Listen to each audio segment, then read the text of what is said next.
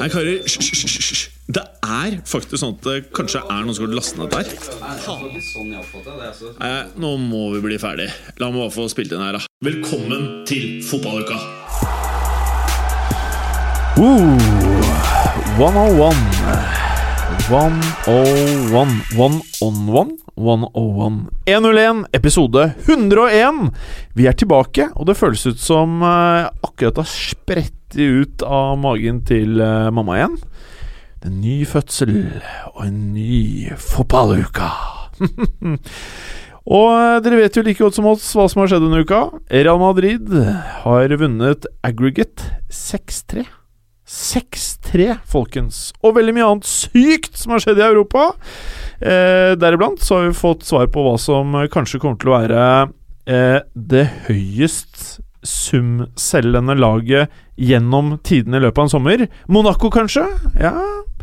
Og så har vi fått eh, årets eller sesongens lag i Premier League. Og vi skal selvfølgelig eh, gå gjennom eh, alt det andre du forventer deg i fotballuka, og mye skrøner og mye annet digg. Alt dette og veldig mye mer i One on One av Fotballuka! Ja. Hallo, Morten Gallosen! Hei, Jim! Hei. Etterligner du meg? Har jeg sånn stemme? Det var litt der. Åh. Jeg føler at Nå er det eh, normal igjen. når jeg prater, så noen ganger så får jeg sånn derre eh, Paradise Hotel-avslutning på setningene. Hvor, prater jeg sånn? Prater jeg sånn? Er det sånn, Martin? Og det er ikke så bra. Ja. Ja, Og det prøver jeg ikke å ha. Skjønner jeg mener? jeg skjønner hva du Du skjønner mener. jeg mener. Eh, Morten, Ja. du har på deg en eh, nydelig eh, T-skjorte, og jeg mistenker at du har gjort dette med overlegg. Ja, det er en uh, fotballpodkast-tung eh, dag i studio på torsdager, Helt riktig? så jeg gjør det jo litt for å bli sett. Ja. Så du har jo både vært uh, produsent og tekniker for en del uh, tungvektere innenfor fotballpodkastverdenen, eller fotballmedieverden, Ja, det kan du jo si. i Norge. Ja. Ja. Og da har du valgt å ta på en T-skjorte som fremmer en annen podkast som du er med i. Det stemmer. Eh, hvis navn ikke kommer til å bli nevnt i denne podkastepisoden. Det gjør det helt sikkert på et eller annet tidspunkt. Og der har vi Preben! Hei. Hallo, Preben. Hei. Du, jeg lurer på hvor mange T-skjorter den podkasten hos Altså hvor mange T-skjorter som har blitt solgt. Ja, det lurer jeg også på. Det fins bare denne ene. Det fins bare én. Ja. Det er bare ett eksemplar. Eksklusiv, altså. Mm. Å, ja. da har den vært sykt mye, da. testprint som en kompis av meg eh, har laga. Mm. uten å egentlig ha spurt meg om design og sånn. Plutselig så bare hadde jeg denne. Ja. Kul For de dere som ikke ser den, så er det ganske Det er ikke veldig klart bilde. Den står veldig godt til eh, logoen til den podkasten. Ja. Litt sånn sovjetisk Uh, Det er Ja. riktig. Om eh, eh, Noen vil jo kalle det fæl skrift. Ja, Det det si. ser ikke bra ut, men eh, det som er bra, det er at det, eh, det står jo da navnet på podkasten øverst i sånne russiske bokstaver, og under så står det europeiske bokstaver. Det var jo litt kløktig, da. Mm, Det gjør det jo ikke. Jo. Nei. Jo. Nei. Gjorde Jeg det? klarer ikke å se det heller, men uh, jeg tror kanskje vi må legge ut dette på Instagram. Ja, vi, vi får legge det vi skal ikke si navnet, men vi kan profilere det via Instagram. Ja, vi, ja, vi får profilere det. Vi får profilere det. Men i hvert fall det er en god idé, da, fordi vi spiller jo gjerne inn eh, samme dag som f.eks. Josimar. Ja. Og måten jeg ofte har rekruttert uh, gjester til denne andre podkasten på, har jo vært å sitte som tekniker på Josimar, Ja. sjekke hva disse gutta kan, Ja. uh, og så eventuelt poache dem hvis jeg uh, ser behov Ja. eller bruksområder. Og det gjør jeg ofte. Og det har fungert veldig bra. Det har fungert veldig bra. Og du har til og med poacha fotballuka inn i denne podkasten din nå. Ja, du har vært med, og du har vært med, Preben. Er det? Hvem var flinkst av oss? Ingen av oss, tror jeg. vi hadde ingen av oss hadde noe der å gjøre. Det litt morsomme er at dere, er de, e- dere har vært med én gang hver. Ja. Dere er de eneste som har vært med i begge to uh, av oss i panelet, bortsett fra meg, da. Mm. Og begge gangene så har Petter Wæland vært med. Ja. Det er sant. ja. Har noe til felles der. Fin fyr. Eh, klarte å, eh, ved hjelp av Mats Berger, som ikke er her i dag, klarte vi å igle oss innpå Han har vel noe sånne dukkehus eller Det var du og jeg, Eh, ikke, ja, ja, ikke Mats. Nei, ikke Mats. Han, han var veldig fan av Petter Wæland, skjønte vi. Ja, det Eh, skjønte Petter også, tror jeg. Men vi klarte i hvert fall å igle oss innpå mancaven til Petter Wæland. Mm. Så vi skal få lov til å se fotball. Eh, eller, hele fotballuka, eh, kanskje. Eh, få lov til å se fotball hos Petter Wæland i mancaven hans. Det var veldig kult å livepodkaste derfra. Ja, det har vært litt morsomt. Kjipt for Morten. Det blir spansk fotball. Ja, det blir spansk. Det er Det kommer til å greit. altså. ganske greit. Det er villig, ja. Jeg er villig til å betale den prisen for å se fotball i Det må bli Sevilla, da. til, eh, til Petter Wæland. Ja. Ja. Sevilla er akkurat hipster nok til at Morten liksom Ok, greit, da. Tenk Sevilla mot Faktisk. Betis. Jeg har eh, litt uh, breaking news, faktisk. Jeg Ja. har med tid og stunder blitt litt sånn derre halvvarm til eh, et par av de baskiske lagene. Ja. Så eh, nå følger jeg liksom med og håper at Sociedad og Bilbao skal gjøre det bra. Jeg var redd du skulle si kule lag. katalansk. Å nei, på ingen måte. Ja. Jeg er- fryda meg da juventinerne moste dem. Åh, og det bringer oss jo uh... Over til Mats Berger. over til Mats Berger. Hallo, Mats! Nei, Han er ikke her, lytter. Lytter. Du trodde kanskje at det var en av de stundene hvor Mats kobler av. Nei, han er ikke her! Så eh, han kan ikke koble i dag. Eh, Preben, Ja. jeg har en nyhet til deg i dag. Har du det? Ja. Spennende. Eh, jeg har jo lenge vært admin, admin, admin på Twitter-kontoen til Fotballuka. Oh, ja. Og ettersom vi er på direkten, Jeg så, ser hvor dette bærer. så gir jeg nå stafettpinnen videre. Tusen hjertelig takk. I en måned. I en måned, ja. Ja. Det skal jeg klare. Hæ? Prøvetid? Eh, nei. Eller ja, eh, på en måte. Så 1. juni Det gjør for seg Litt- greit. Skal litt- gjøre alt jeg kan for ikke få den eh, beholde stafettpinnen. eh, Litt mer enn en måned. Ja. Hvis du 1. juni sier at dette var ikke noe for deg, så tar jeg den tilbake. Eller kanskje lytterne kan si at dette var ikke noe for dem. Ja, Det kan jo hende, da. det kan være. Um, så jeg kan jo bare beklage på forhånd til alle lyttere der ute som uh, følger fotballuka på, på Twitter. Ja, men uh, det kommer garantert til å bli bedre. Skal jeg fortelle hvorfor? Gjør gjerne det. Ja, fordi uh, når jeg er inne på Instagram, så kan du kun ha Kun uh, ha fem kontoer. På Twitter kan du ha uendelig. Så jeg styrer nå uh, ganske mange Twitter-kontoer. Jeg har annet min egen. Og så har jeg Fotballuka, jeg har Moderne Media sin, jeg har podkast.no Jeg har veldig mange Twitter-kontoer, og derfor så er jeg redd for å neglisjere fotballuka-lytterne. Så tenkte jeg kanskje dette kan være noe for deg. Og jeg ser at du har trappet opp Twitter-aktiviteten din. Jeg har det. Ja, men det jeg er klar for å ta den uh, pinnen videre. Altså, Så um, da vet jo også lytterne hvem de faktisk kommuniserer med. Ja. Når, Ja, og det er fint. Det eneste utfordringen er at jeg må finne passordet. du har ikke det, nei. Det er et uh, kjent fenomen, uh, Jim. Jeg har opplevd dette før med deg. Ja. Så passordet, det har jeg glemt. Det kan du fint få tilsendt til mailadressen din. Ja, det er bare at jeg eh, har jeg har brukt en uh, fotballuka-mailadresse. Som du ikke husker passordet til. Og Så- det er ikke det faste passordet ditt som er på alle uh, Mac-ene. Det er problemet ditt, med at du ikke har et fast passord. Jeg har et da fast passord. Har du det? Ja. Det er ikke sånn du bruker 100 forskjellige? Nei, det var bare at det faste passordet kom med et ett-tall først, og så kom det på to-tall, og så måtte jeg kombinere masse. Og til slutt nå så husker jeg ikke hva det er. Og jeg har testa alt jeg kom på. Så vi får se, Preben. Uh, Kan hende det blir stille fra fotballuka-twitteren. Det er det vi prøver å si. Nei da, vi skal klare det. Nei. Vi skal klare det. Uh, vi er jo fire sterke sinn, eh, pluss en som ikke er her alltid, som heter Kristoffer aka Tuve. Han kunne jo ikke Han være med i dag. Han kunne ikke være med i dag, nei. Han kunne ikke være med i dag, det passer ikke. Hilse hjem til han, da. Vi får hilse til deg, Han Bjarne. sitter på toget nå, Ja, du sitter på toget. Han hører dette her. Ja, det var synd at du ikke kunne være med i dag. Åssen er det han ser ut igjen? Nei, jeg husker ikke. Jeg har Eller ikke høres sett han ut. siden i Ja, han har noen krøller, tror jeg. Ja, jeg mener han har noen jeg krøller. ikke. Over til Champions League, eh, folkens. Og eh, vi har jo da eh, nå vært innom eh, Barcelona og Juventus. Da syns jeg vi kan starte der, Preben. Vi kan godt gjøre det, altså. Ja, Eh. Og etter to oppgjør, hersker det noen tvil om hvem som fortjente å gå videre av disse to eh, lagene? Overhodet ikke. Eh, vi spådde jo her eh, litt før eh, altså da trekningen kom, at eh, de fleste av oss holdt vel Juventus som en uh, favoritt i det oppgjøret der. Uh, grunnen av det, det taktiske, hvordan Barca har sett ut bakover. Det var akkurat det som skjedde, da. At Juventus tok dette her. Og de holdt jo da nullen i to matcher på rad mot uh, selveste MSN. Det er ganske sjukt. Bonucci, Chiellini helt fantastiske i går, eller onsdag, da, for de som hører på dette her på fredag, sannsynligvis. Uh, Buffon hadde en liten blemme, men å ha han bak der som dirigerer Forsvaret Han må være en av verdens beste på å dirigere et forsvar også. Så har disse hele midtbanen løp som bikkjer hele matchen. Kvadrado har jo vi snakket mye dritt om i mange år. og ikke verdens beste fotballspiller i dag heller, men han løp så jævlig mye. Pjanic, eh, Kedira også. Så det er den, eh, og så er det de Dybala, Higuain. Altså de har en veldig fin miks i det laget der nå, med godt organisert og ja. Jeg Jeg er spesielt si. imponert over at eh, Cuadrado og Pjanic mm. funker som de gjør eh, i det systemet. For de er eh, sett på begge to som litt sånn luksusspillertyper, og som begge egentlig hører til langt eh, lenger framme i banen. Eh, men nå har Pjanic eh, i begge kampene vel spilt eh, ved siden av Kedira relativt defensivt. Og litt som Modric før han har tatt den utfordringa på strak arm. Å gå fra å være den maestroen, den Ja. litt spjælingen som slår pasningene, til å faktisk ta tak og styre. Brette opp erma.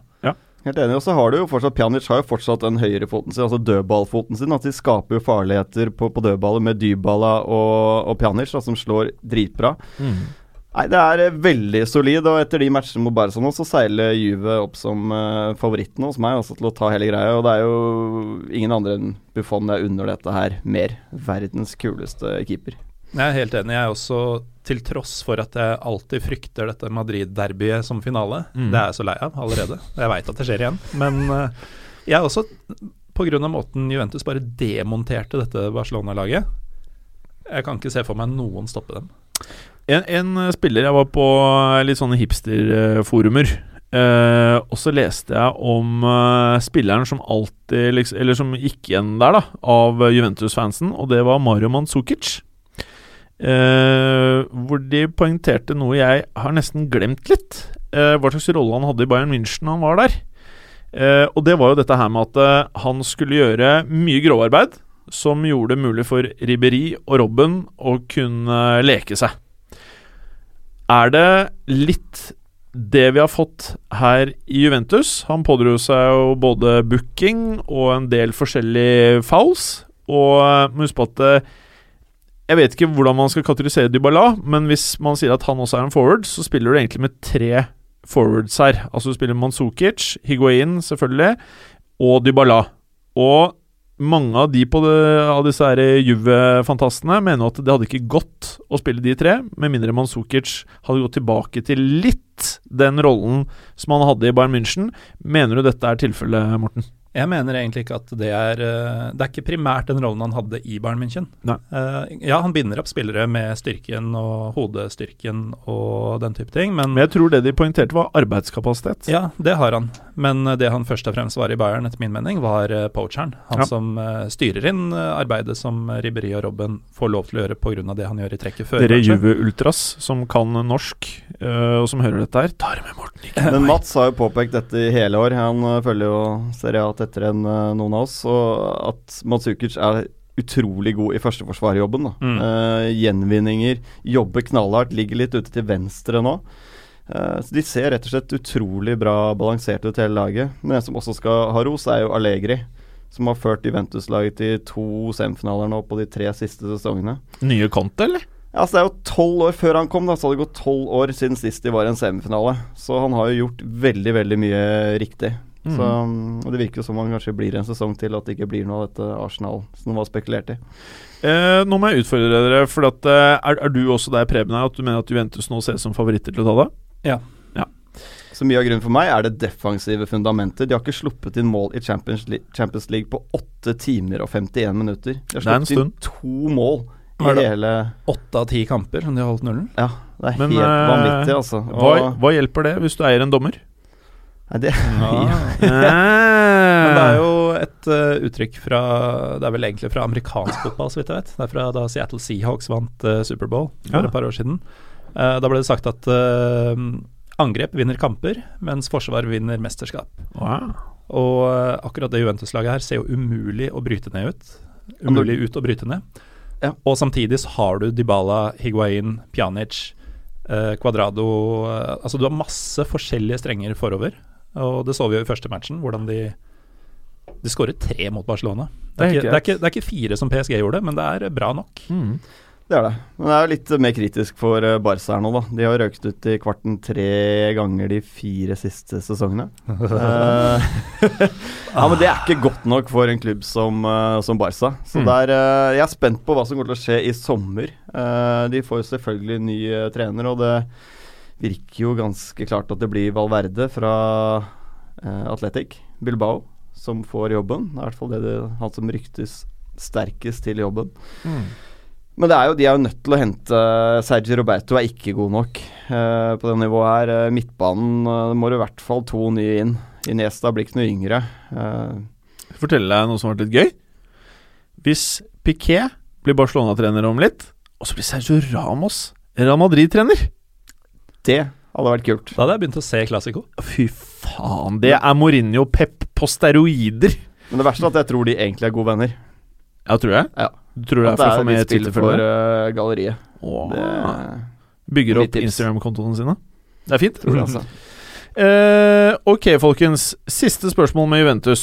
Eh, er de sårbare mot skader på en annen måte enn f.eks. Real Madrid og Atletico Madrid? Hva skjer hvis Bonucci, Kilini eller Higuain går rett i vifta? Tror ikke det spiller så stor rolle. Og det begrunner jeg egentlig med at uh, de er et lag. Altså De er så godt organisert. Om du putter Rugani inn i midtforsvaret der Barzagli fins fortsatt. Barzagli Det er kom inn, ja, ikke sant? Barzagli kom inn og stengte ordentlig igjen på slutten her. Så, og, og Higuain Selvfølgelig er det stort tap hvis de mister Higuain, men de kan dytte Manzukic opp der. Altså, de har masse alternativer. Bra. Eh, og med det så må vi jo selvfølgelig over til deg, Gallosen, med Kan man si at uh, de nærmeste favorittene Juventus er eh, Real Madrid nå? Det kan man definitivt si. Ehm, selv om det dessverre ble mye dommersnakk i ettertid, så synes ikke jeg at man kan si at eh, Bayern er bortdømt fra en semifinaleplass. Jeg synes totalt sett at det er fullt fortjent at eh, Real Madrid går videre. Eh, også i og med at det, det har ikke vært så skjev dømming, egentlig. Det har vært dårlig dømming som har gått begge veier over to kamper. Det var jo en veldig dodgy straffe som eh, Bayern fikk i første kamp, som de håper å si heldigvis bomma på, som en slags poetisk rettferdighet. Men eh, Real Madrid ser fryktelig, fryktelig sterke ut. Og nå Vi har snakka en del om det tidligere, at eh, Ronaldo blir mer og mer en spiss. Og eh, nå har han skåra fem mål på disse to kampene. Mannen som ikke leverer ved store anledninger og når det gjelder. Har jo egen, egenhendig, nærmest, sendt Bayern ut, som da kanskje var den tredje store favoritten. Første uh, spilleren til å runde 100 mål i CL. Og eh, ja, dette er jo ikke mål nummer fem og seks og sju mot uh, Levante. Dette er akkurat de målene som trengs for å slå ut et av verdens absolutt beste klubblag, med knadde baller og det hele. Eh, så dere forresten ballene faktisk ble knadd før ekstraomgangene? Det var i hvert fall fryktelig nære. På Hummels der, eller? Som lå på gresset? Ja, på Sånn som hadde det veldig godt. Boateng også fikk en liten eh, Fikk en liten kna. ja, Det var riktignok ikke Angelotti som sto for det, men det var nok Han, Bo hans, han eh, Boateng slår meg som en fyr som kanskje har svære baller og kna. Skjønner jeg mener? At der er litt å ta ta tak i. Hvis det står i stil til låret, Ja. Uh, som de ikke nødvendigvis gjør, for så vidt, Det er vel ikke noe forskning som underbygger det, tror jeg. så tror jeg det. Men uh, jeg har, uh, har noe um... Han har for så vidt eh, spørs hvilke baller man prater Hvis du prater om rumpeballene, de står jo stil til låra. Det er riktig. Ja. Ja jo, det kan du si. Men det, det er jo en uh, mer naturlig korrelasjon. Ja. I og med at du gjerne trener litt i samme muskelgruppene når du først uh, holder på med det. Men Carlo så ut som han trengte litt uh, knaing sjæl etter den der matchen. Ja, stakkars fyr. Uh, men jeg har noe kontroversielt å komme med. Oh. Jeg er ikke like kategorisk som resten av verden om det røde kortet til Vidal. Okay. Jeg syns det kan forsvares å gi gult i den situasjonen. Jeg synes han, han kom- For det første kommer han fort inn. Eh, det er om ikke knotter så på grensa til, og jeg syns han kakker foten før han sveiper unna ballen. Uh, Riktignok uh, Altså, jeg, jeg er imot det at du skal vurdere at en spiller har gult fra før. Du skal, jeg syns du skal se inn situasjonen Ja, ja, ja. individuelt. Uh, Helt enig. Og å gi et gult kort der er ikke en så stor krise som eh, verden skal ha det til. Jeg er enig med deg. Eh, det jeg syns var kjipt der og da, at det ødela litt matchen, for det var en jævlig kul match der som bølget frem og tilbake, og etter det røde kortet så, så blir det selvfølgelig Real Madrid som får trykket, og Men det er jo helt dust av Vidal å gå inn i en Nettopp. sånn eh, Når du har gult kort Han er jo et eh, vandrende rødt kort ute på banen der. Han er jo livsfarlig Mm. å ha på banen når han er på et gult. De Han kunne fått det andre gule tidligere, ja, i likhet med Casemiro. ja, så de burde kanskje hevet på Kimmich for Vidal tidligere. At uh, Carlo kanskje burde sett det. Og jeg klarer ikke irritere meg så veldig mye over de offside-skåringene heller. Altså Jeg har sagt det før, det er, det er litt av sjarmen med det òg, da. Det er ikke så klar offside. I hvert fall den siste er snakk om noen centimeter. Mm. Uh, spiller ingen rolle, og den eh, 2-1-skåringen er det vel til Ronaldo, han er vel en halvmeter meter offside eller et eller annet. Er ikke nok for meg altså til at det blir noe stor skandale. Nei, altså Det jeg la merke til, var at uh, den ene offside-skåringa til uh, det som ble selvmål av Ramas eh, Der var det jo ingen som snakka om det før en stund etterpå. Det samme med 3-2-målet. Eh, og det etter x antall repriser. Vi snakka litt om det i stua der jeg satt, på uh, 1-2-målet. Ikke på 3-2-målet, da så vi det ikke. Uh, og da når du i studio etterpå, med stillbilder og hele greia, sier at 'å, det var offside, det var offside' Jeg vet ikke hvor mye du kan klandre dommerne som ser dette én gang. Altså. Nei, det er sånn det er, tenker jeg. Og det er jo Mm. det som gjør det kult. Da. Nå sitter vi og diskuterer dommerøvelser. Det er litt gøy. Jeg digger det. Og eh, det beste ja, ja, laget ja. vant jo til slutt her uansett, så det ble ikke noen stor skandale Men- sånn sett, syns jeg, da. Jeg vet Twitter, eh, Twitter-følgerne våre ba oss diskutere dette med videodømming. Mm. Uh, jeg er ikke så sikker på at jeg ønsker en perfekt måte å dømme en kamp på. Jeg ønsker at det skulle gå kjapt, sånn som du alltid poengterer, Preben. er det viktigste for meg. Og så tror jeg på det at uh, over en sesong Så kan det godt være at det er en sesong hvor det blir kanskje kan bli bortdømt. Men sånn jevnt over så føler jeg at dette er eh, ganske likt for alle. Det er aldri Ah. en sånn fire meter offside som går. Det er snakk om en meter, en halvmeter de gangene det går, og det Pluss at hvis vi ikke kan fortsette sånn som det er i dag, så kan vi ikke høre på sånn grining sånn som fra Piquet, og at Ramos må forsvare det. Jeg, jeg, om noe Jeg ønsker mer krangling i fotball. Ja, det er det som er gøy når det er temperatur. Det er fordi Ja. vi elsker Costa og, Ja, og den type spillere. Jeg vil ha flere Costaer. Det er det første.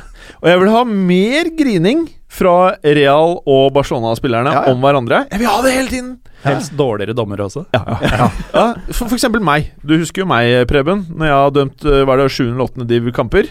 Ja, du har dømt eh, Nei, syverfotball har du dømt Syver. Eh, uten at du blåste en eneste gang i løpet av 60 minutter. Det var Og dømte en heller tvilsom straffe, husker jeg. Ja, Men det som skjedde da, det var at eh, jeg ble så stressa, for alle stoppet å spille og så på meg. Ja. Og så drev jeg og tenkte på noe annet. Og så tenkte jeg ok, et eller annet må jeg jo gjøre. Her er det et eller annet sykt som har skjedd. Så sa jeg bare 'straffe'! Det er ganske syk reaksjon. Da. Ja, ja, det var ganske sykt. Og da husker jeg Og jeg kjente jo dere på det ene laget, og jeg dømte jo imot dere. Ja. Og det var fordi eh, Eller jeg vet ikke helt, eh, det er så lenge siden nå, men eh, ja, jeg fikk ikke med meg dritt. Dette høres ut som noe Mats Berger kunne gjort. At han bare soner ut i kampen. Ja, og så men- bare, Oi, Ja, nå har du prøvd å dømme en fotballkamp. Jeg har prøvd det selv. jeg. Det Ja. er så kjedelig. Men, men, men, Du men, ser jo på alt annet rundt, og så er det kanskje en annen match på en annen bane ja, som du ser mm, på. Men har du testa det, Morten? Uh, ikke siden barneskolen. Nei, da det fordi- var sånne skoleturneringer og sånn. Fordi selv når du følger med, så, og uh, ballen går kjapt mellom beina til folk, så jeg er faen ikke sikker på hvem som var sist borti den når den går over linja. jeg. Står og ser på det to meter unna. Mm. Jeg vet ikke hvem som uh, kjørte ut kula. Så jeg skjønner godt at det blir eh, Selv om de gutta her er jo proffe, da. Jeg gjorde dette her halvklein eh, på en lørdag, liksom. De er ikke proffe. Jo, de er jo proffe. De får jo betalt for å gjøre dette her. Tenker, Dommerne? Ikke, ikke oss nå, men nå tenker han eh, Dommerne? dommerne i Champions League. Ah, ja. ja. jeg tror du mente dommerne på sjuerfotball. Nei, nei, nei. nei, Nei, de er ikke proffe. Nei, de er Nei, ikke så proffe. Nei. uh, nei, så eh, det, jeg, jeg sympatiserer litt med det, og jeg vil ha ugagn. Ja, ja, Men uh, hvis vi skal diskutere videodømming litt Det der likt for alle-greia, i anførselstegn i så fall. Det vil nok alltid gagne de større klubbene over en lengre periode også, eh, også i enkeltsituasjoner. Men fotballen har klart seg 150 år uten dette. Og i tillegg til at Altså, jeg er jo den store fotballromantikeren her, har jeg fått eh, i hvert fall et stempel på å være. Ja. Eh, men en annen ting, altså utenom det at jeg liker Jeg liker at det blir litt feil, eh, så er det jo det at eh, kamprytmen Mm. vil jo få seg en støkk hvis du skulle ta en 30 sekunder hvor en eller annen dommer skal eh, se an en situasjon før man går videre. Og det er jo en drøm for et lag som vil stykke opp kampen, f.eks. Du vet, klart. Du du, du, vet, du vet før når fotballspillerne hadde enda mindre shortser, og draktene var enda mer baggy, og det var lengre hår, og de kom hvesende bort til dommeren, skrikende, iltrende forbanna i en VM-kamp, og 'Hva faen er det du har gjort?! Du har dømt oss!' Og så, det, og så får du ø, ø, ø, rødt for du blir så sint på dommeren. Sånne episoder Jeg vil ikke være det foruten. Nei, Det verste jeg kan se for meg, er at det blir sånn timeouter blir innført i fotball. Å, fy Det, faen. det til å være døden. Altså, og det er jo egentlig det vi snakker om der, da, med, med videodømming. At det blir slags timeouter. Nå så jeg at det skjedde i en G16-kamp eller noe sånt her i Norge eh, i løpet av påsken. At eh, det ble gitt hvitt kort. Hvitt. Og en spiller måtte da eh, se de neste åtte, min åtte minuttene fra benken før han kunne komme inn igjen. Og det er i så feil retning som du kan få det. Ja, Altså. det var ja. Jeg frykter at det går i den retningen nå. Mm. Det er bekymringsfullt, de greiene her. altså. Men videodømming er jo eh, nærmere enn vi tror. da. Nå skal det faktisk prøves i Bundesliga neste sesong allerede. Og det, det er jo dømt til å bli permanent. Alle disse småtinga som man innfører, blir jo bare værende. Eh, sprayen, mållinjeteknologi osv. Men, Men eh, men det er bare den enkelte derre- situasjonstyper. Den derre Gillette-kremen, eller den derre foamen, den ble vel borte? Nei, Ja, der er en av dem. Den foregår fortsatt. Du har bare blitt så vant til den, tenker jeg. Ja. Og så blir den jo borte. Så, ja, fordi til med en den ja, kom jo, den blir jo borte sånn sett. Ja. Etter noen sekunder. Oh, Fordi med en gang den kom, så var det litt morsomme ting at den ble borte, og spillerne ikke forholdt seg til den og gikk frem og tilbake. Så jeg, jeg skjønte allerede poenget med den. Men eh, ok. Ja, eh, er vi, kan vi gå videre, eller? Kan vi snakke om eh, de to beste på banen, eller? Ja, kan vi? Marcelo. Og de spilte jo faktisk på samme side. Jeg ble jævlig imponert over Arjen Robben og Marcelo den matchen. Det er ganske sjukt at de to beste på banen, som jeg syns, spilte Ronaldo? faktisk mot hverandre. Nei, Arjen Robben og Marcelo.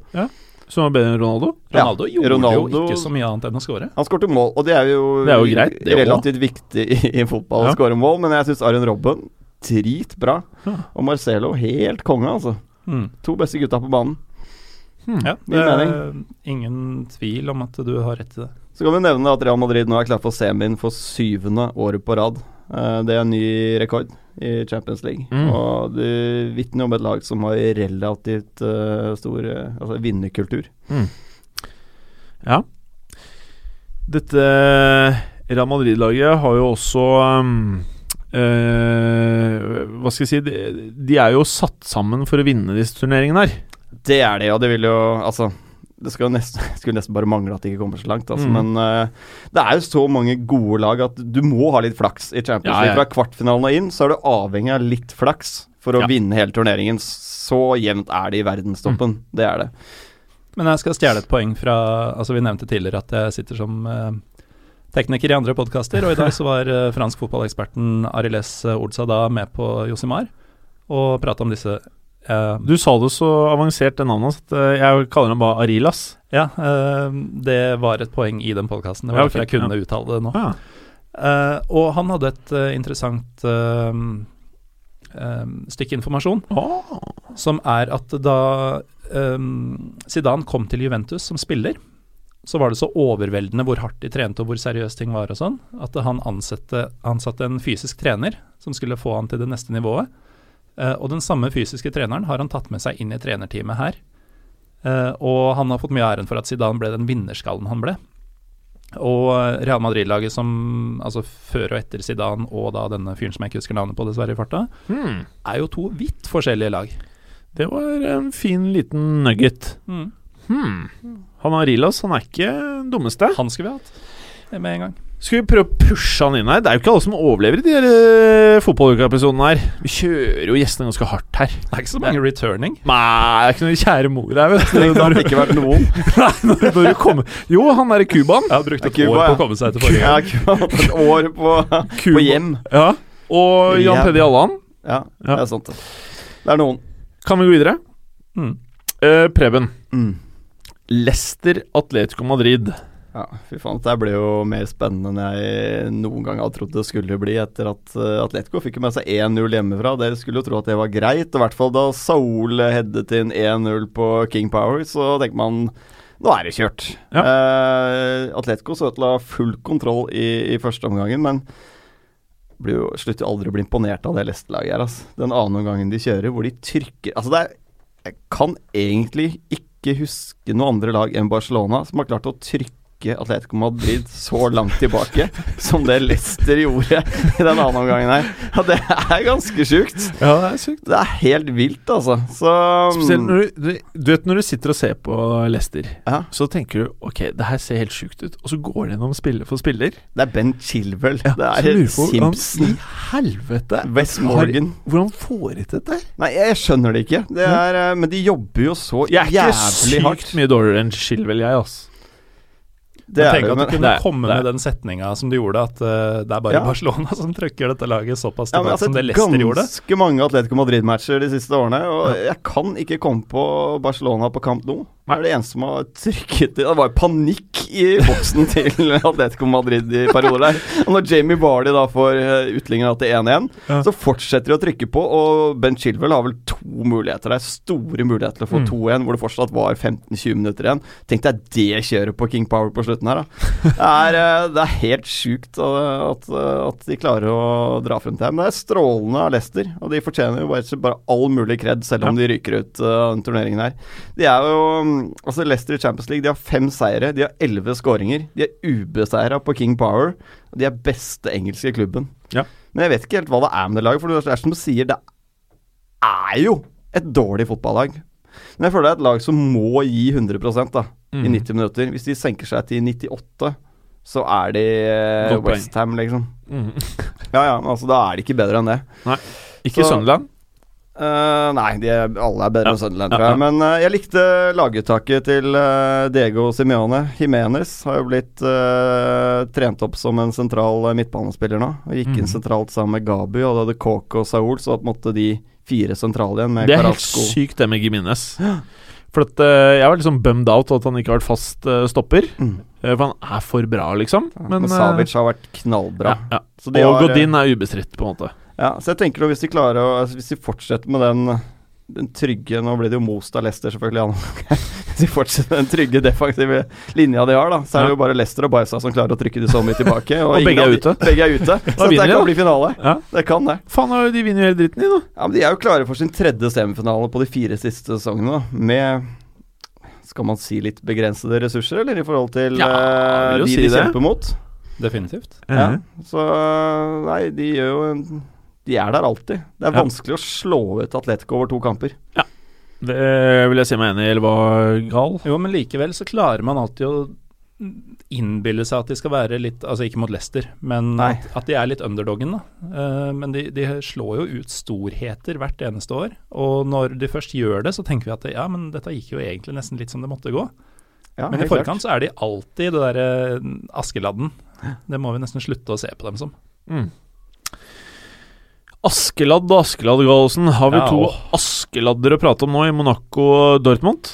Det var jo de to uh, kjæledeggene mine som var igjen i turneringa. Nå er dessverre halvparten av dem eliminert. Mm. Og det ble for så vidt På sett og vis, vi fikk to uh, veldig offensivt uh, anretta kamper. Ja. Uh, mye skåringer, mye fart. Uh, dessverre ikke den spenninga som, som jeg håpa på. Det ble ikke 4-3-4-3. Og inntil eh, ja, egentlig ganske langt ut i andre omgangen i går, eh, onsdag, så tenkte jeg at det kunne fortsatt bli 2-3-2-3. Selv om Dortmund i praksis aldri egentlig var i nærheten i bortekampen nå. Nå er det jo sånn at begge de tyske lagene røk jo ut eh, Altså med Bayern så vil du alltid kunne snakke litt om dommeren som en del av det. Eh, med Dortmund er det jo selvfølgelig enda mye drøyere med bussincidenten før hjemmekampen og det at kampen ble spilt 22 timer etter at den skulle. Uh, altså ca. 24 timer etter at noen prøvde å ta livet på hele gjengen. Mm. Ta rotta på dem, rett og slett. Ta rotta. Uh, den er jo ganske kjip at uh, et så le potensielt legendarisk dobbeltoppgjør vil ha den skya hengende over seg, og vi vil aldri helt få vite hva som kunne skjedd. Eh, det som var tydelig, var jo at i hjemmekampen spesielt så så Dortmund helt paralysert ut i Ja, de må jo ha blitt påvirket av det. Det ødela jo umenneskelig. hele dobbeltoppgjøret. Og så var det jo sånn i eh, kampen i Monaco også, at de plutselig ble holdt igjen av politiet. De er på bussen, altså der det skjedde. Og politiet uten forklaring holder igjen bussen i 22 minutter. Så kampen her ble jo faktisk utsatt i fem minutter også. Tror du gutta hadde puls da, eller? Sitter inne i bussen der? Altså Tenk det fokuset de har når de går inn på stadion der. Da. Altså, Var det selv, selv om går det i gikk bra denne gangen. på vei til matchen, og når du da ble holdt Ja, det var helt Ja, og igjen da, så starter de jo veldig shabby. Det er 2-0 etter 17 minutter. Og det er jo for så vidt ikke over, siden de uansett måtte skåre to-tre mål, uansett hvor mange Monaco skåra. Men de kommer aldri ordentlig tilbake. Selv om Royce uh, får en tidlig redusering i andre omgang, så virker det som Monaco har full kontroll på det. Og det hjelper jo heller ikke at eh, Tuchel eh, bomma på både spillevalg og formasjon i inngangen.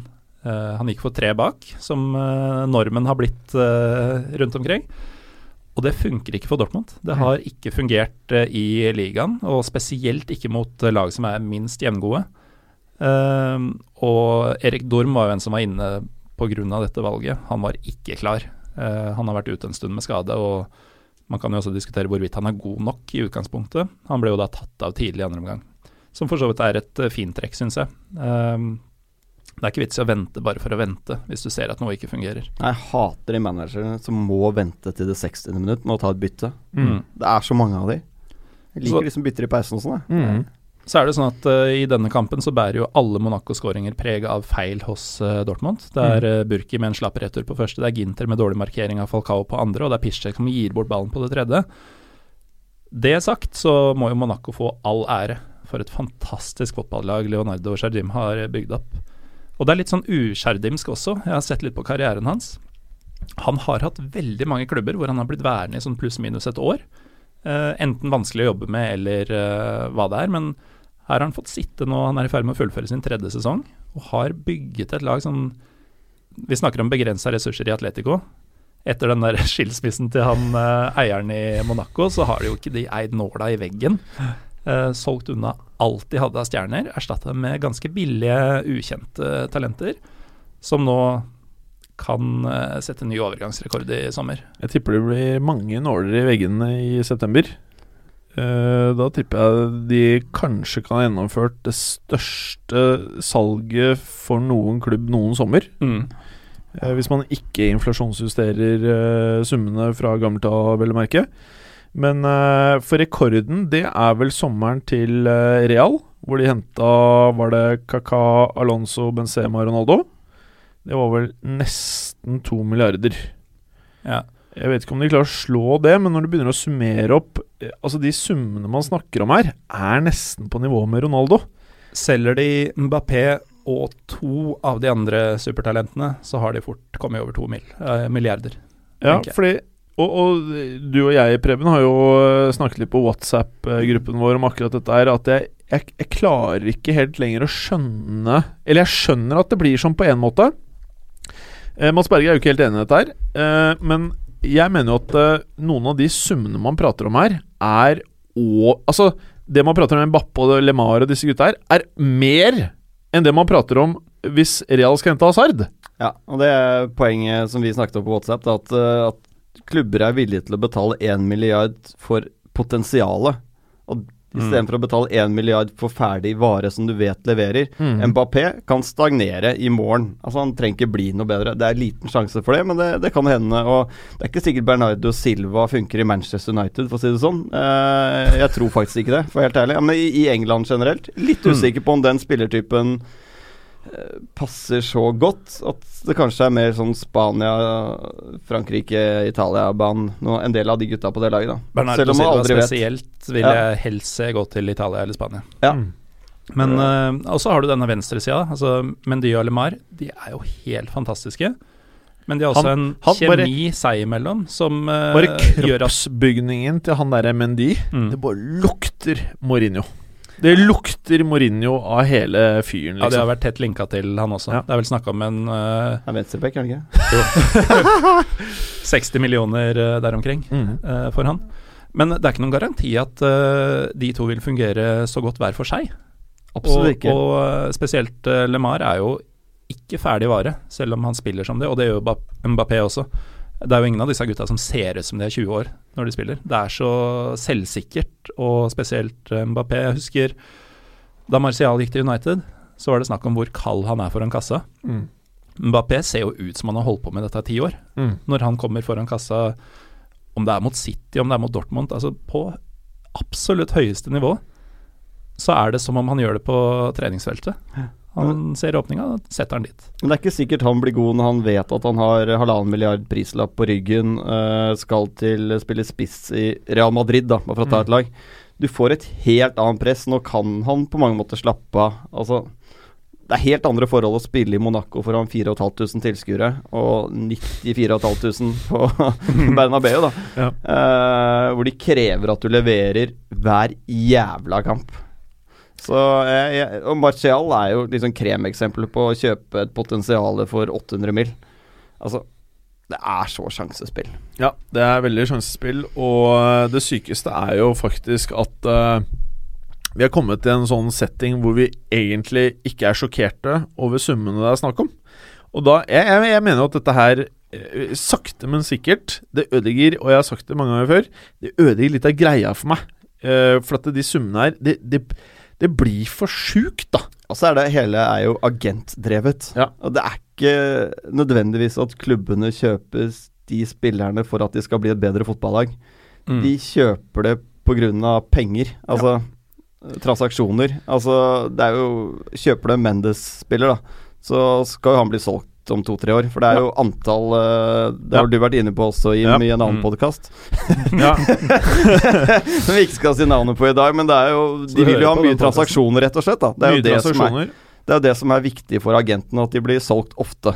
Pluss plus at det, Sorry, Gallosen, men pluss at det virker som for en klubb som Real Madrid eller Manchester United, så av og til så får jeg faktisk litt følelsen av at eh, om det koster 10 eller 20 millioner euro mer for en stjernespiller, så er det egentlig med på å skape kred. På en eller annen merkelig måte så føles det litt sånn ut. Det går litt prestisje i det, rett og slett. Mm. Uh, nå ble jo Pogba Pogba, Pogba. Pogba uh, verdens dyreste. Og det får han ikke være lenger enn til sommeren. Mest sannsynlig ikke Ja, nei, Ja, kanskje altså, ikke. Ja, det kan hende, Ja. men uh, det vil Altså, en klubb som Real Madrid vil jo gjerne ha den rekorden. Ja. Og det er det som er så absurd, og det er sånne ting som gjør at uh, det blir så mye Altså Fotball blir så mye viktigere enn det fotball egentlig skal være, sånn objektivt sett. Og sånne ting igjen er jo med på å presse fram sånn som videodømming, som egentlig ikke har noe i fotball å gjøre. Ja. Nettopp. Ja. Eh, hva var det vi egentlig prata om? Har ikke peiling. Ja, Monaco Dortmund. Ja. Var det noe mer å si om dette her, eller? Nei, altså nå er det vel bare um, Atletico Madrid som man trodde hadde den uh, letteste motstanderen, Mm. som ikke går videre med en tremålsmargin over to kamper. Ja. Ja. Ja, nettopp. Ja. Utrolig unødvendig stat. Ja, Veldig unødvendig og fin. Det var så unødvendig at jeg måtte liksom sitte Jeg, måtte, jeg, var keen på å komme med en feriekommentar, men jeg klarte ikke. Så Nei. du psyka meg faktisk ut med den. Men det er fint, det. Det er trekning i Fredag? Fre, I fredag. Mens I fredag, fredagen. I fredagen, ja. Ah, Litt usikker på hva jeg håper altså. Jeg eh, har ikke lyst til å se Real Atletico nå. Jeg har lyst til å se eh, Atletico Madrid-Juventus. jeg.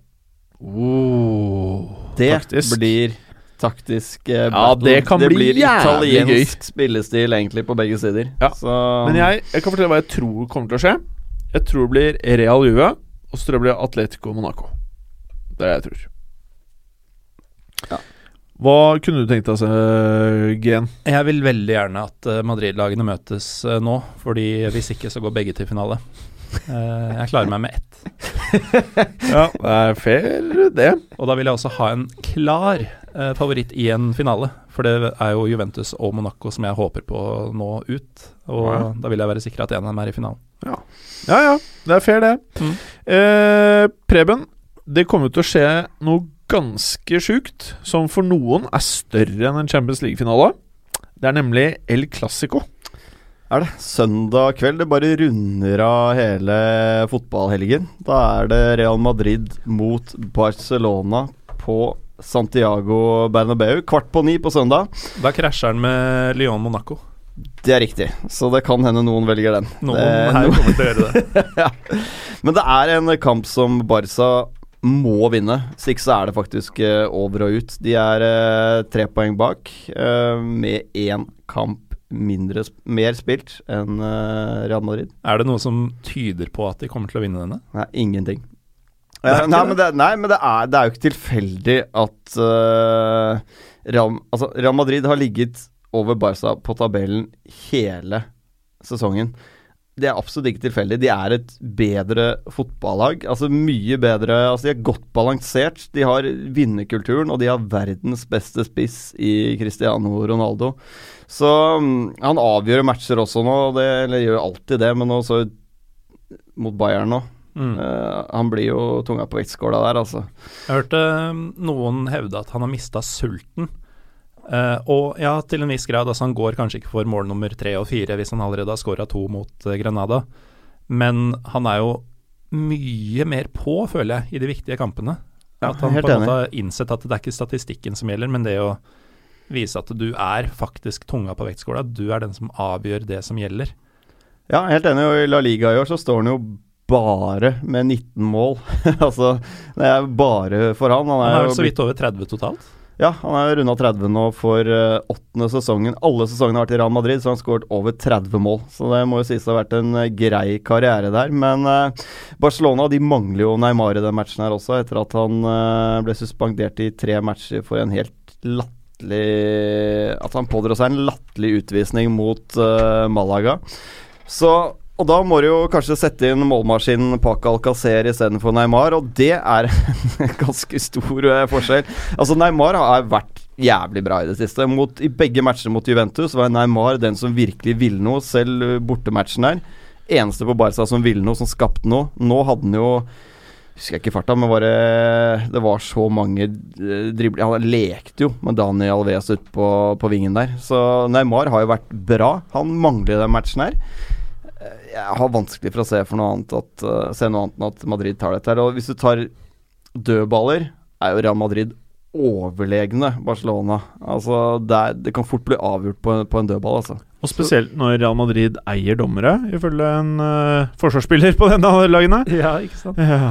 Nei, men eh, Det er litt uh, morsomt uh, nå, for det er litt omvendt av hva vi prata om for bare et år siden. At uh, nå ser jeg faktisk på Real Madrid som det best komponerte og balanserte laget av de to. Ja. Og det var jo stikk motsatt argumentasjon vi brukte for et drøyt år siden. Og det er jo fordi Zidane får lov til, eller tør altså Uansett så er det vel hans status som gjør at eh, nei, Casemiro skal spille fordi det er riktigst for laget. Og Perez bare sånn OK. Han slipper å bruke Hames som ballvinner. Det er Ja, ikke sant? Stakkars pingvinen, ass. Ja, det var helt sykt. Du husker Ja, var det i fjor den Barca-Real Madrid-matchen hvor det så ut som Real Madrid spilte 4-6? Ja. For de hadde ingen som gadd å ta det defensive. De ble jo fullstendig most. Nei, men altså, er det liksom sånn eh, at det Faen, var gøy, ass. to år siden var det og stakkars pingvin ble rødere og rødere, og Isharsen bare spruta ut. Og taktikeren Benitez Du vet at han Ja. hatet hele greiene her. Ja. Men uh, så har du den derre enheten Barcelona, hvor alle alltid har visst hvor de har hverandre, og de, de ser ut til å ha spilt i blinde, og bare plutselig er det gjennom og tre mann innafor femmeteren som spiller til hverandre fram til de ikke gidder mer og setter dem i mål. Det skjer jo ikke lenger. Nå er det sånn at eh, den av de tre framme som får ballen, kommer til å prøve på noe selv. Eh, hvordan ballen kommer dit, virker litt mer tilfeldig enn det var før. Jeg syns Barcelona er litt sånn Om de er mette, eller om de bare er lei og trener på utgående Ting stemmer ikke der. Jeg, jeg mener store problemet, vi har snakket om det før, at de klarer ikke å kontrollere midtbanen lenger. Eh, Neymar, Messi og Suárez har egentlig hatt en jævlig bra sesong, alle de tre. Mhm. hvis du ser på statistikker, de skårer jo mest mål i Europa, de topper alle assist- og skåringsstatistikker. Det er midtbanen at de ikke de slipper inn så jævlig mye unødvendige mål om dagen. Um, og så har du Sergio Roberto, høyrebekken er et problem. Jordi Alba er en dårlig forsvarsspiller. En god offensivt, men dårlig forsvarsspiller. Så det er mye hull i laget, altså. Apropos venstrebacker, prata vi nok om Marcello? Nei. Nei, det må vi jo gjøre. Mm. Han Vi, vi var innom det, og så ikke spora vi av. Han er ikke en dårlig forsvarsspiller. Nei. Han har vært det, syns jeg, tidligere. Mm, Men, nei, eh, ikke dårlig, men, Usikker på det, kanskje? Jeg er enig med deg, Morten, han- at han har vært lett å drible. Han er bedre defensivt enn han var før. Ja, Han har forbedret seg defensivt. Uten å kaste bort noe av det offensive. Han har nesten bare blitt bedre på det også. Ja. Det må du være enig i, da. At han er en god forsvarsspiller, ja. Ja. Verdens beste venstreback, mener du? Litt. Sammen med Alaba? Marcelo er en spiller jeg føler egentlig kunne spilt i alle posisjoner, han òg. Ja. Mm.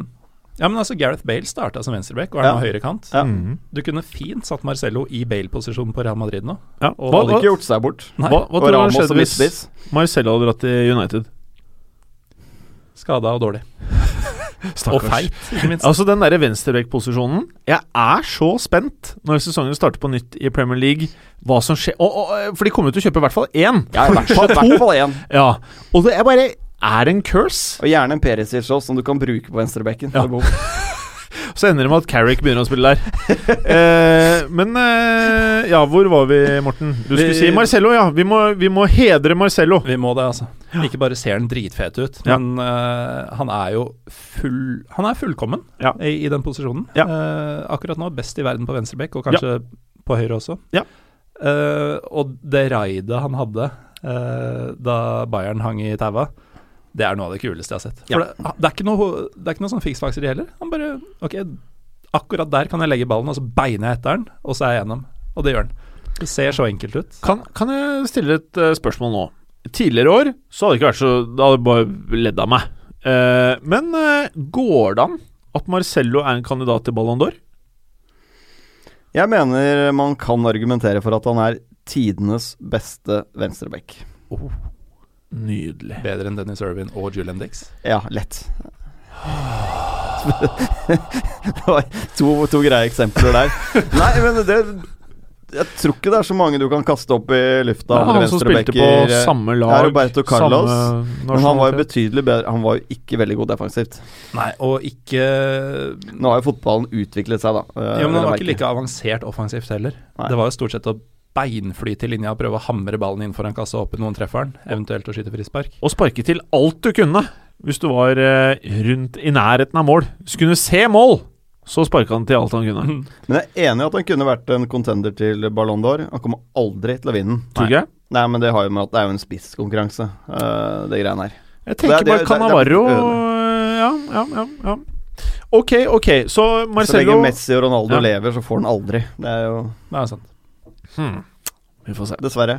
Men uh, ellers i Spania så skjer det jo ingenting. Uh, mest spennende blir kanskje å se hvor mye Granada kommer til å bli most av Sevilla. Granada under debutmatchen til Tony Adams ble most 3-0 hjemme av B-laget til Sevilla. De Ja. sa det rett ut, vi sparer alle mann til uh, Europaligaen.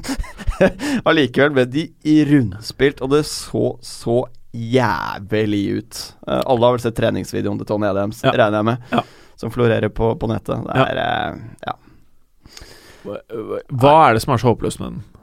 Nei, altså det første er det jo satt masse morsom musikk til at Tony Adams prøver en slags sideforskyvningsdrill. Mm. Uh, det er vel egentlig bare å google Tony Adams uh, training drill eller et eller annet, tipper jeg, så kommer det opp på hvor man vil. Jeg likte pressekonferansen hans også, da han fikk spørsmål om hvordan han skulle eh, snu ting. Ja. Nei, jeg skal få dem til å jobbe steinhardt, og skal vi vinne kamper. Ja, hvordan da? Nei, vi skal jobbe steinhardt, og så skal vi bare presse inn disse poenga. Some arse. Ja, og det, det var liksom hver gang hvordan kom opp, så skjønte han ikke hva hvordan betyr. Det var bare sånn Han hører 'hva skal dere gjøre', Ja. Og ikke sånn veldig eh, konkret heller. Det er vel ikke overraskende at det er svaret fra akkurat den mannen der. Det er vel det du ansetter han for, å lage noe steinhardt og ikke noe taktisk. Åssen skal du slutte å drikke? Nei, jeg skal slutte å åpne flaskene. Ja, hvordan har du tenkt å få til det? Nei, jeg skal bare ikke åpne flaskene og sette dem til munnen. Nå er det morsomt, Gallosen. Men eh, Tyskland, hva har du å plumpe ut med der? Nei, topp fire er jo satt. Eh, mulig at det vil rokeres litt på rekkefølgen, men jeg tror ikke det. Jeg Nei. tror uh, det som er topp fire nå, er topp fire når vi er ferdig. Så fokus blir jo på bunnstriden. Uh, der er det veldig stor spenning, og det kan bli en herlig runde for Tysklands Sunderland, eh, Mhm. Hamburger SV, som eh, tar imot fortapte Darmstadt. Oh. Det bør være tre poeng, samtidig som Mainz og Wolfsburg skal ut i vanskelige bortekamper mot henholdsvis Bayern og Hertha. Ja. Neppe poeng på um, Mainz i hvert fall. Wolfsburg kan få til noe mot Hertha Berlin. Vi får se på det. Uh, Frankfurt, som etter en strålende høst uh, så smått nærmer seg bunnstriden. ja. Uh, de skal møte Augsburg, som også er i store vanskeligheter, og det er en gyllen mulighet for Frankfurt å få sesongen litt i havn igjen. Ingolstadt, som har vært litt på opptur i det siste, de tapte nå sist etter tre strake seire. Vi snakka om dem som fortapte for ikke så veldig lenge siden. Eh, de var nede på jorda nå, og de tar imot et Verde Bremen på voldsom opptur. Eh, så alt ligger til rette for at eh, Hamburg får eh, åtte poengs luke ned til direkte nedrykk. Mm. Da bør de være klare, uten at det avgjør noe som helst i bunnstriden i Tyskland. Det er virkelig der eh, det skjer. Og jeg må jo da som eh, Union Berlin-fan nevne at det skjer jo ting i opps- opprykksstriden også. Jeg var Ja. så heldig i påsken å overvære litt sånn ut av det blå, egentlig. Eh, toppoppgjøret og derbyet mellom Hannover 96 og Eintracht Braunschweig, mm. som endte 1-0 til hjemmelaget. Var du også på det, Preben? Fikk dessverre ikke med meg det. Men jeg eh, fulgte Morten på Twitter og koste meg med det, da. Nå- påsken. er det blitt mye ræl som jeg har sett eh, på de siste turene mine det siste drøye året. Det var deilig å se en kamp med ordentlig fotball og ordentlig publikumstrøkk igjen. Eh, sjelden får er det skikkelig trøkk? ordentlig. Du skrev at Hva er det gjennomsnittlige tilskuertall var i andre Bundesliga nå? Eh, 20 et eller annet? Nei, det var bare i sist runde. Siste runde ja, Så var gjennomsnittlig tall 23 500. Ja, det er jo helt sjukt. Det er helt sjukt på andre nivå. Um, og denne kampen var jo Det er vel 45 minutter, tror jeg, fra Hanover til Braunschweig. De ligger i samme region. Braunschweig er historisk sett den største byen, men Hanover har tatt over med århundrene. da. Eh, så de har på en måte tatt over storebror-stempelet, og det er ordentlig Altså, jeg har aldri sett så mange svartkledde, maskerte menn på en tribune som på den Hanover-tribunen. Og når jeg så til den andre svingen hvor de eh, 4300 Braunschweig-supporterne var, så hadde de også en gjeng hvor det var tre drakter. De har gule drakter, så det var ganske lett å se. Resten gikk i svart. 183 arrestasjoner bare av bortefans før kampen. Et politioppbud jeg ikke har sett maken til, ikke engang i Tysk, eh, Tyrkia. Helt fantastisk. Og på Var grunn av det bra, eller? jeg koste meg. Uh, på, som følge av resultatene som var den helgen, så er det tre poeng som skiller topp fire. Det er da to direkte opprykksplasser og én kvalik, og nummer fire får ingenting. Mm. To av disse lagene, nummer én og tre, Stuttgart og Union Berlin, møtes på mandag kveld. Den vil forhåpentligvis og mest sannsynlig gå på Eurosport. Eh, den bør folk få med seg. Hannover på andreplass skal i vanskelig bortekamp mot et desperat Erzgebirge Aue. Som Å, er faen. Ja, det hørtes jævlig tøft ut. Å, faen. Uh, så det er veldig mye som skjer i uh, hva skal vi si, plassbyttestriden i tysk fotball mellom første og andre liga. Av mer typiske godbiter så er uh, seinkampen lørdag mellom Borussiaene, uh, Mönchengladbach mot Dortmund. På lørdag klokka 18.30, og så er det Schalke Leipzig på søndag. Men uh, i toppen så er jo det meste avgjort, som sagt. Ja. Tyskland, ass. Fikk sånn fornya uh, tysklandsentusiasme. Om, om lytterne har syntes den var litt uh, Jeg syns den var, he det var helt nydelig. Mats Berger, hva, hva har du å si om uh, Italia? Nei. Nei. Skal du ta den, eller, Preben? Jeg kan si litt om det. Jeg kan ikke Eh, skal vi begynne i bunnen, da? Ikke det det folk bryr seg mest om, er det ikke det? Ja, uh, det vil jeg si. Ja, det er jo Crotone Altså, Palermo er ferdig. Uh, Pescara er ferdig. Eh, Crotone har jo fem poeng opp til eh, sikker plass og har to seier og én uavgjort på de siste matchene. Det er så fett. Crotone, Crotone og Palermo, altså. det er to mafiastyrte klubber. Nei, det er eh, Skal vi si Jeg, jeg tror alle de tre rykker ned, altså. Eh, sånn, sånn blir det nok. Eh, I toppen så Altså Serie A er egentlig litt kjedelig denne helgen, her, fordi Juventus møter Genoa hjemme. Det Ja. blir tre poeng. Roma de spiller bort, borte mot bunnlaget Pescara. Eh, det blir tre poeng. Og Napoli møter eh, Sassuolo borte. Sannsynligvis også tre poeng. Så Ligger det en, en uh, fotballuka-kupong, eller? burde gjøre det. Altså, jeg Ja. tror ikke vi får veldig mye odds på dette her, men eh, Penger blir det. Ja, Du kan sette hus og hjem på det. Ja Det er jo trygt. kan det. Men det er jo I hvert fall i- når det er Italia. Da Det kan vet du jo utfallet på forhånd. Ikke sant? Ah, Nei. nei Ikke alltid. nei, Men eh, det er jo, de har fortsatt bare tre plasser før uh, neste sesong. Så um, Eller tre Champions League-plasser mm -hmm. uh, til, til neste sesong Champions League, før de får fire året etter der. Så det er jo Juventus, Roma og Napoli som tar de plassene. Spørsmålet er den kvalikplassen, og de som må gjennom en kvalifisering. Italienske lag har jo generelt slitt i den kvalifiseringen, og det skiller kun to poeng mellom eh, Roma på andre og Napoli på tredje. Så det er ganske viktig å få den andreplassen, altså, for du kan få et ganske køddent spansk lag, eller Mm. fransk for den saks skyld, eller til og med et engelsk lag. Så Helt klart. det er egentlig spenningen der, da, om uh, Roma eller Napoli tar andreplassen. Mm, mm. Uh, føler du deg ferdig der? Ja, jeg føler meg veldig ferdig med Ja. Eh, Det er ikke så mye spennende som skjer der nå. Altså, Nei. Kan jeg være så vennlig å be om å få en litt kortere Frankrike-del enn Tyskland-del, uh, GN? Det er klart du kan. Ja, Får jeg det? Skal jeg begynne nå? Ja, gjerne det.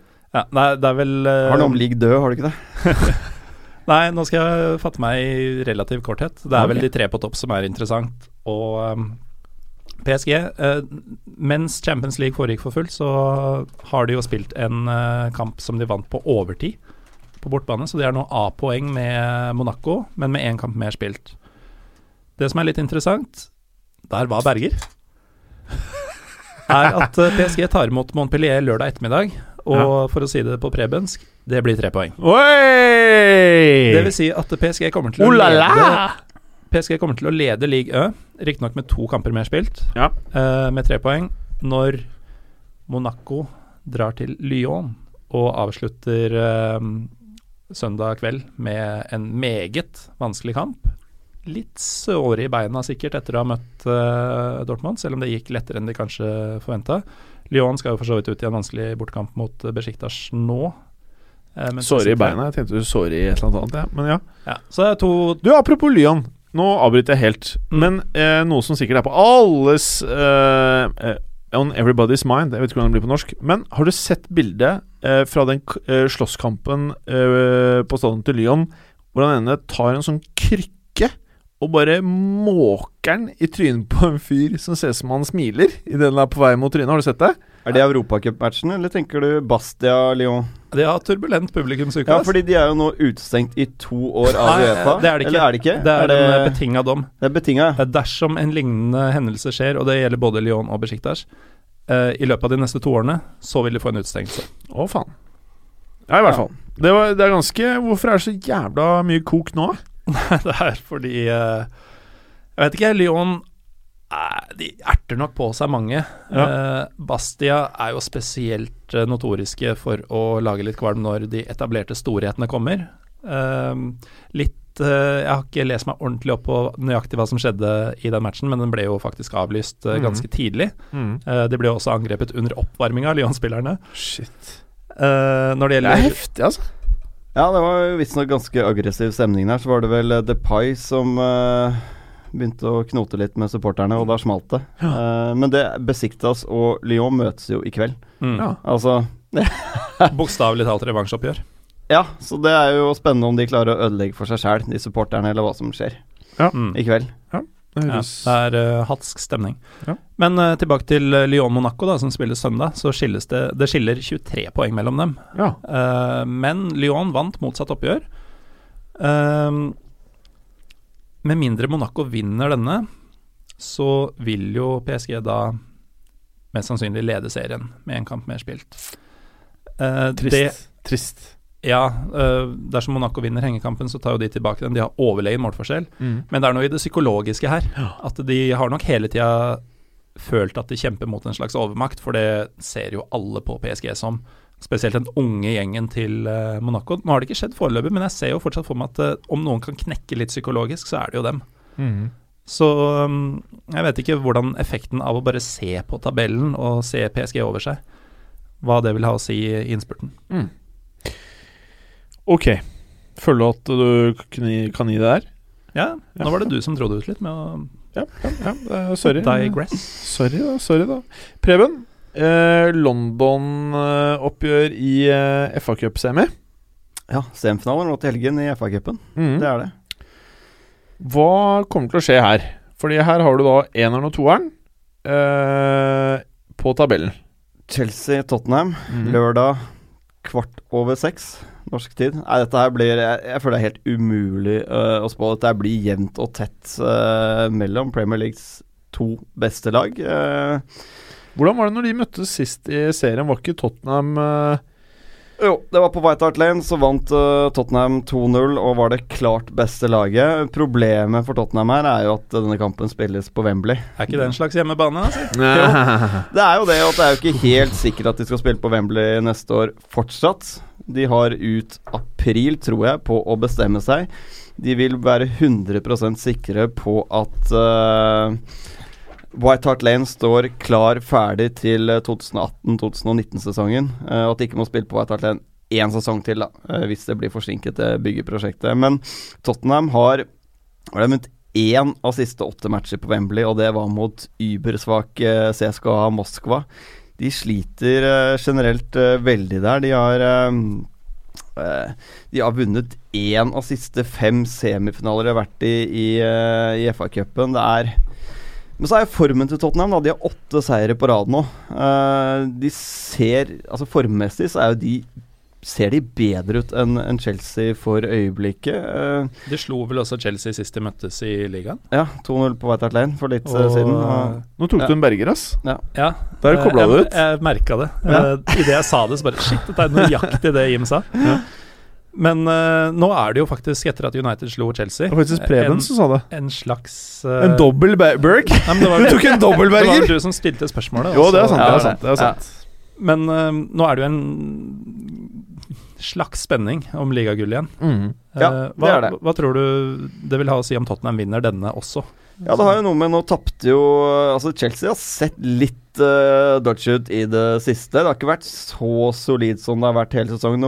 Mis, altså, de manglet jo Alonso sist match, som uh, kommer vel kanskje tilbake til dette uh, årets lag etterpå. Men kanskje Premier Leagues beste venstreback, hvis du kan karakterisere han som det i det systemet. Uh, nå spiller alle med tre bak, så vi må nesten si det sånn. Um, men jeg, det jeg er mest spent på da United Altså Mourinho. Mannsmarkerte jo Eden Hazard med Andre Herrera og lyktes veldig godt med det. Spørsmålet er om Pochettino gjør det samme. Jeg har aldri sett uh, Pochettino uh, ta hensyn til enkeltspillere på motstanderlaget før. Jeg tror ikke han gjør det nå heller. Han kan velge å putte en Eric Dyer på Eden Hazard, som kanskje vil nøytralisere han. Da tar det bort mye av det offensive, men jeg klarer ikke helt å se at Pochettino er manageren som gjør det. Han er litt mer typen som spiller et eget spill. Vi skal, eh, vi skal gjøre det vår greie, så får det være bra nok. Men samtidig så er vel han resultatorientert nok til å Han må jo ha sett hvordan Ja. det fungerte. Jeg er veldig spent på hvordan Tottenham kommer til å se. Jeg er ganske sikker på at de kommer i en slags eh, 3-4-3-variant for å rett og slett mann mot mann eh, over hele linja her. Og kanskje Eric Dyer får en ekstra oppgave, eller Wanyama, på, på Eden Hazard. Så det, det er spenningsmoment her. Det er eh, Jeg holder faktisk Chelsea som en liten favoritt, men det har mest av at den kampen her går på Wembley, hvor Tottenham har vært jævlig dårlig eh, i hele år. Eh, Mm. Aner ikke hva det er. Det er jo en fotballbane. Den er riktignok mye større enn White Hart Lane. Den er vel egentlig større enn de aller fleste stadioner i eh, England. Mm. Så, mm, men det blir, en, det blir tett og jevnt, og det her kommer det til å være marginer. Her er et element av flaks som eh, sender et av lagene til eh, finale. Bra. Eh, Arsenal Manchester City, Dag Olsen. Først og fremst så vil jeg jo si at uh, jeg liker jo Askeladd-historier bedre enn de fleste vi har hatt i studio, tror jeg. Mm. Men jeg syns det er veldig gøy at eh, fire absolutte topplag er i semifinalene, fordi FA-cupen er en så nydelig turnering, og den trenger å få statusen sin tilbake. Jeg trodde du skulle si at Arsenal var en Askeladd. På sett og vis er det jo det i dette selskapet. Uh, og i hvert fall Nå har jo til og med Wenger begynt med tre bak. Ja. Og den treeren som han kjørte mot Middlesbrough det er tidsriktig, men fy faen! Gabriel og Rob Holding tok opp to av de tre plassene uh, sammen med Korselny. Hvis han stiller sånn igjen, så vil den gjengen rives i filler av Aguero og resten av gutta. Ja. Uh, jeg har egentlig vanskelig for å se at, uh, at Arsenal har sjans. Altså, De var Altså, ikke overbevist mot Middlesbrough heller. Altså, Middlesbrough er dårlig om dagen. ja, og Arsenal er jo nesten like dårlige. Ja, det er, eh, det er synd, egentlig, å se. Altså, Wenger som har gjort så mye på fotballen i England, Og så at er det, det jo blir den slutten. Så er det jo den tiden av året hvor eh, Company plutselig er skadefri, da. Og tilbake som uh, banens beste. Og det vil jo alltid komme en opptur for City når han faktisk får spille i de tre-fire kampene før han brekker lårhalsen igjen.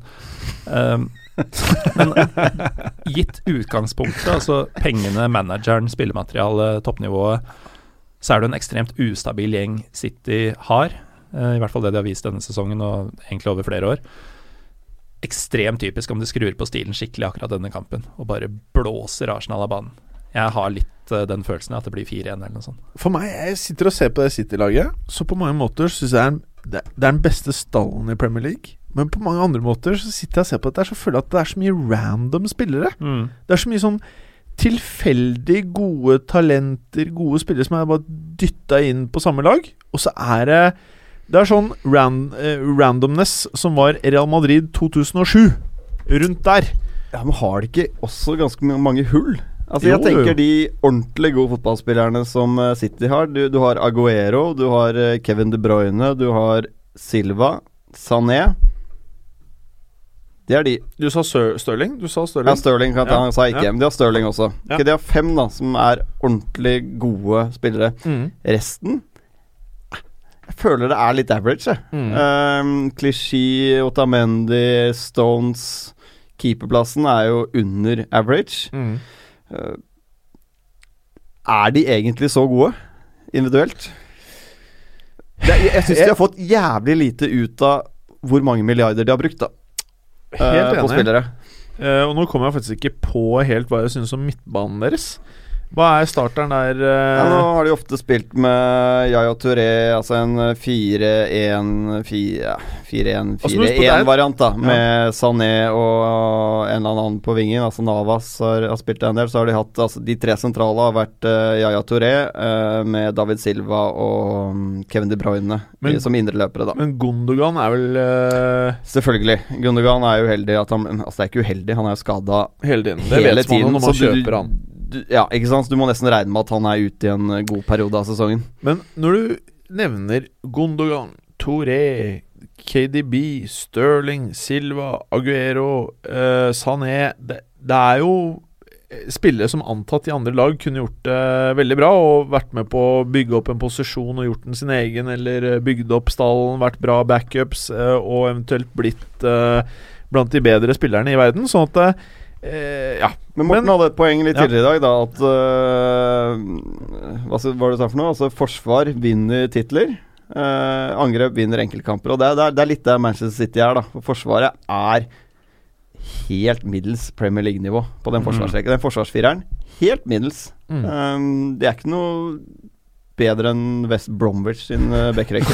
Funker i hvert fall ikke bedre. Nei, Det litt bedre Nei, nei, ja, ja, men funker ikke bedre. Litt dyrere, i hvert fall. Men det har jo også med hvordan du har satt opp midtbanen, da. Med Yaya Touré som arbeidsjerne. Liksom, altså, han skal liksom være det ankeret som rydder der. Altså, og David Silva og Kevin De Bruyne, de er offensive spillere. Så det er et dårlig balansert lag, da. Mm. Bra. Nå skal vi bare på tampen og gå over det som er blitt eh, kåra sesongens lag. Av spillerne Ja. selv. Mm. Tidlig. Ja, i mars har de levert inn stemmen, og da var det 15 matcher igjen. Og det er jo en god del av sesongen, kan man jo si. Mm. Eh, hva tenker vi? Skal vi ta laget, eller? Ja, Gå gjennom det? det? Er det noen som har det foran seg? Jeg kan uh, flakre om. Vi kan begynne med keeper, da, for det er David De Hea. Ja. Eh, hva tenker du om det, Gallosen? Det er jo litt sånn eh, Det er litt Ballon d'Or-preg over det. At Mm. uh, det er én av to, i dette tilfellet er det én av én. Eh, man kunne sikkert sagt uh, Courtois som uh, Messi, Eller da, hvis uh, det Jury, er? Ronaldo. Fordi Jeg syns ikke Det er vanskelig for å skille de tre keeperne vi nevner der. Tom Mm. Heaton har mest redninger, men han er stort sett strekarbeid. Han er jo ikke noe god i feltet, blant annet. Sånn redningsmessig, altså hvis vi tenker Ja. strekkeepere, så har det vært fryktelig mange gode i år. Ja. Eh, både Foster og Forster og Heaton og Jakubovic og det veldig mange. Men de når jo ikke opp. Altså Det er ikke noe å si på De Hea, spør du meg. Eh, du kunne Altså, Joris og, og godeste Courtois er jo nærme, mm. men uh, Og, syns i og for seg den er grei. og Forsvaret? Forsvaret skal vi ta, ta hele rekka med en gang. Ja. Det er Fra venstreback er Danny Rose. Uh, så har du et midtstopperpar med Gary Cahill, David Louise, og så har du en høyrebekk, Kyle Walker. Mm. Jeg må innrømme at uh, Louise hadde jeg aldri uh, gjetta i den der lineupen der når sesongen starta. Nei, skal vi se hva jeg mener. Jeg mener at du burde ut- bytta ut alle fire, men du burde fortsatt hatt to fra Tottenham og to fra Chelsea. Jeg ville hatt Marcos Alonso på venstrebekken, Cæsar Aspilicueta på høyrebekken og Toby Aldevareld og Jan Fertongen i midten. Ja, Det høres ikke helt gærent ut. Hva tenker du, Gallosen? Var det nøye gjennomtenkt, eller? For den eh, kom eh, autoritært. Jeg tenkte på det på T-banen på vei til studio i dag, at når jeg ser på den her, så er jeg helt enig at det er to fra Chelsea og to fra Tottenham. Eh, det er jevnt her på bekkene også, men jeg ser jo ikke at du, du Altså Tottenham har sluppet inn klart færrest mål i, i Premier League i år og vært bunnsolide bakover. Jeg syns det er rart at Tobby Alvareld ikke er på det laget her. Mm. Det syns jeg er jævlig merkelig. Mm. Jeg syns stopperparet er, eh, er merkelig. Jeg er helt enig i at eh, de to fint kunne vært bytta ut med Ja. belgerne dine. Eh, bekkene kunne også blitt værende, for så vidt, men jeg ville hatt inn Alonso, det er helt klart. Han har hatt en veldig fin sesong. Et Mm. par frisparkmål, blant annet. Han bidrar godt offensivt, altså. Så, Og så er han litt sånn uventa. Ja. Uh, sånne out of the blue-historier, det setter far pris på. Eh, hva annet har vi eh, å by på nå, Preben? Det er satt opp en eh, 4-4-2 her. Skal vi ta hele midtbanen, da? Sånn Ja. Eh, Sadio Mané, Ngolo Kanté, Dele Ali og Eden Hazard. Ja. Delali, Kanté, Hazard Det er vel ikke så mye man kan si på det, eller? Nei, for min del så mener jeg de tre er eh, helt eh, klokkeklare på, på et årets lag. Eh, jeg er litt mer usikker på Sadio Mané. Ja. Eh, der kan du jo Jeg vil ha med Mané. Ja, en Alexis Sanchez ikke vært bra nok. Det er jo selvfølgelig flere kandidater, Sanchez er en av dem, men eh, jeg føler at det som Mané har brakt til Liverpool, og viktigheten eh, av han i laget, er av et eh, kaliber som nesten, nesten, nesten er på Kanté-nivå i Chelsea. At du ser så stor forskjell på Liverpool med og uten han. Sanchez føler jeg blir borte i litt for mange kamper, det gjør for så vidt Mané også, men Du har en Stirling òg, som har vært veldig bra i perioder. Men det er kanskje det som har vært problemet. perioder. Det er perioder som Per- er problemet. Jeg har ikke noe imot Mané heller. Du har en uh, Townsend i Crystal Palace som har vært god i perioder. Jeg er sikker på at jeg skal dra inn uh, altfor mye Tottenham-spillere, men du har Christian Eriksen også, som jeg Mm. føler er en ekstremt undervurdert spiller, som kommer litt i skyggen av Dele Alli og, og Harry Kane i Tottenham. Han er den spilleren som har uh, skapt klart flest målsjanser i Premier League i år, uh, som folk kanskje ikke verdsetter da, på den uh, Altså, Det er litt rart med Christian Eriksen, fordi jeg tror at uh, dersom Altså hvis vi tenker nå, da, og ikke potensial, så vil de aller, aller fleste velge Eriksen foran Ally. Uh, hvis de skulle hatt eh, vedkommende på laget sitt.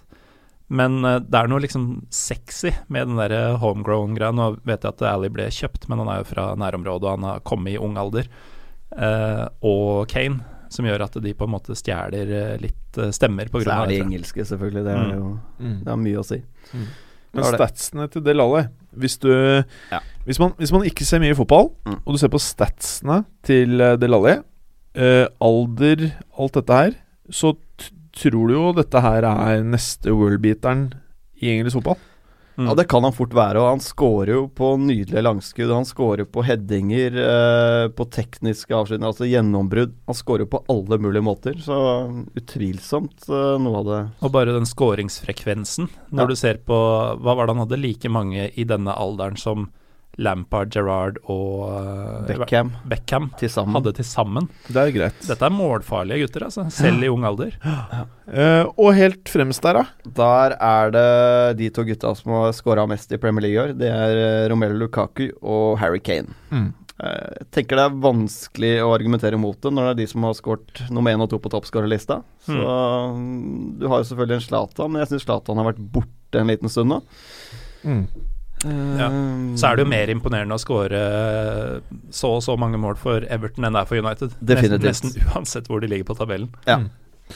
Um, Du ser på Vincent Jansen hvor vanskelig det er å skåre for Tottenham. Ganske imponerende er det ikke noe han klarer å få til. Jeg syns uh, kanskje uh, Hvis formen til Costa hadde startet senere, og han hadde vært i formen som han starta sesongen med, så tror jeg kanskje vi hadde prata om Costa her. Ja, Det er jo håpløst at de må gi stemmer i mars. Mm. Altså Det er Ja. så lenge igjen av sesongen. Det er nå alt skal avgjøres. Det er nå de store spillerne skal stå frem og, og ta ansvar. For du må huske på at eh, Costa bar laget i en periode, de. Eh, Og det her er laget som leder Premier League, og det er en spiller som eh, gjerne bidrar med veldig mye mer enn det statistikken viser. Han bidrar med albuer, blod, kjøtt, tenner, humor. Han lager Eh, jo plass for Eden Hazard. Eh, Ja, Ja. Nett, nettopp. Sånn at eh, hvis du ser stats, så føler jeg at eh, det åpenbare valget her er eh, Kane Lukaku for meg også. Eh, Kane vil jeg ha med uansett, det. Fordi i, i motsetning til veldig man, mange andre, syns jeg Kane bidrar med veldig mye. Og han har vært Eh, skadet to måneder i år. mhm. Eller mer enn det òg. Så Kane for meg er selvskreven. Lukaku har 24 mål for Everton, det er veldig imponerende. Eh, så har han jo hatt enkeltkamper og har skåret fire. Og eh, statsen for meg, når jeg begynner å se på Når jeg bryter ned kampene til Lukaku, så Jeg blir ikke mindre imponert, men jeg kan argumentere for andre spisser selv om han er toppskåreren. Men jeg, jeg, jeg er som alle andre, lett påvirkelig når jeg liksom ser på form, og formen til Costa er nedadgående. Jeg mener ikke Zlatan for meg er aktuell heller. Eneste er Jeg syns det jeg har sett av Alexis Sanchez, eh, tidvis er helt ekstremt bra. Uh. Og han er på et lag hvor det er jævlig mye gærent. Han spiller en helt ny posisjon uh, store deler av sesongen, som er veldig imponerende å ta den rollen der. Uh, og så er det mye grining ved siden av. Så han klarer faktisk her å ta en Jon Arne Riise og blokkere personlige disputter ut av situasjonen og levere profesjonelt. Så for meg så er Sanchez og Costa de som er nærmest, men jeg går også for Lukaku og Kane, bare fordi det er det enkleste. Men hvis man skulle tenkt på dette som et lag som man faktisk skulle sette sammen for å spille kamper, eh, da ville jeg hatt eh, Costa inn sammen med en av disse to. Jeg tenker at eh, å ha en sånn makker ville gjort eh, begge de to enda bedre enn de er. Ja. For så mye han binder opp, så mye han kan sette opp og ta fokus. Eh, Altså, det er han, må være spiss- en drøm å spille sammen med. Det er ingen spiss jeg hadde valgt foran Costa i Premier League akkurat nå, uansett. Og det tenker jeg er eh, en god indikasjon på hvem som burde være på årets lag. Mm. Altså, hvis du hadde vært Chelsea-manager, ville du heller hatt Costa som midtspiss eller Lukaku. Costa ti av ti dager. Ikke sant? Er Hvis jeg, altså- hvis, jeg fjerner, hvis jeg fjerner alder. For jeg, klar, jeg ser såpass mye begrensninger i spillet til Lukaku, da. Uh, han skårer stort sett bare mot bunnlagene. Det er sjelden han dominerer mot uh, topplagene. Da blir han stort sett uh, avkledd og setter mot Liverpool og setter mot Tottenham og setter Ja. Ja. Og det, det er jo de store spillerne. De klarer å levere de matchene også. Tror du det er spilleren Lukaku som kommer til kort, eller er det rollen han har i akkurat Everton? Jeg tror det er spilleren.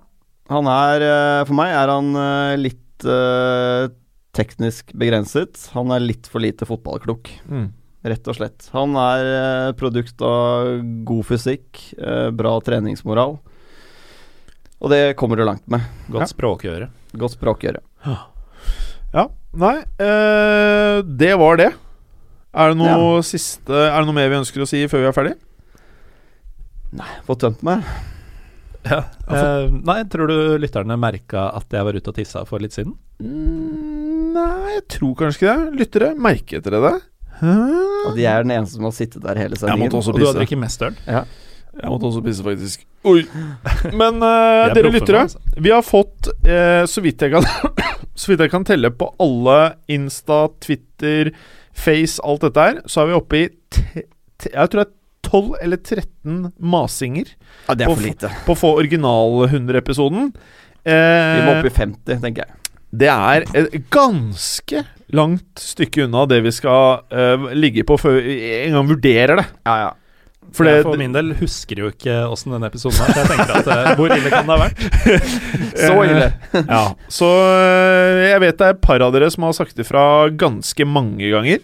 Og det er jo kult, men dere, stemmen deres teller ikke bare én gang. Dere, dere kan mase mye flere ganger. Men dere må få kompisen deres også Men til ja, å stemme. ja, Og de må bevise at de hører på oss. ja, de, ja, dere må bevise at de hører på oss. Og så er det som øh, med Europa når du skal ha øh, toppskåreren.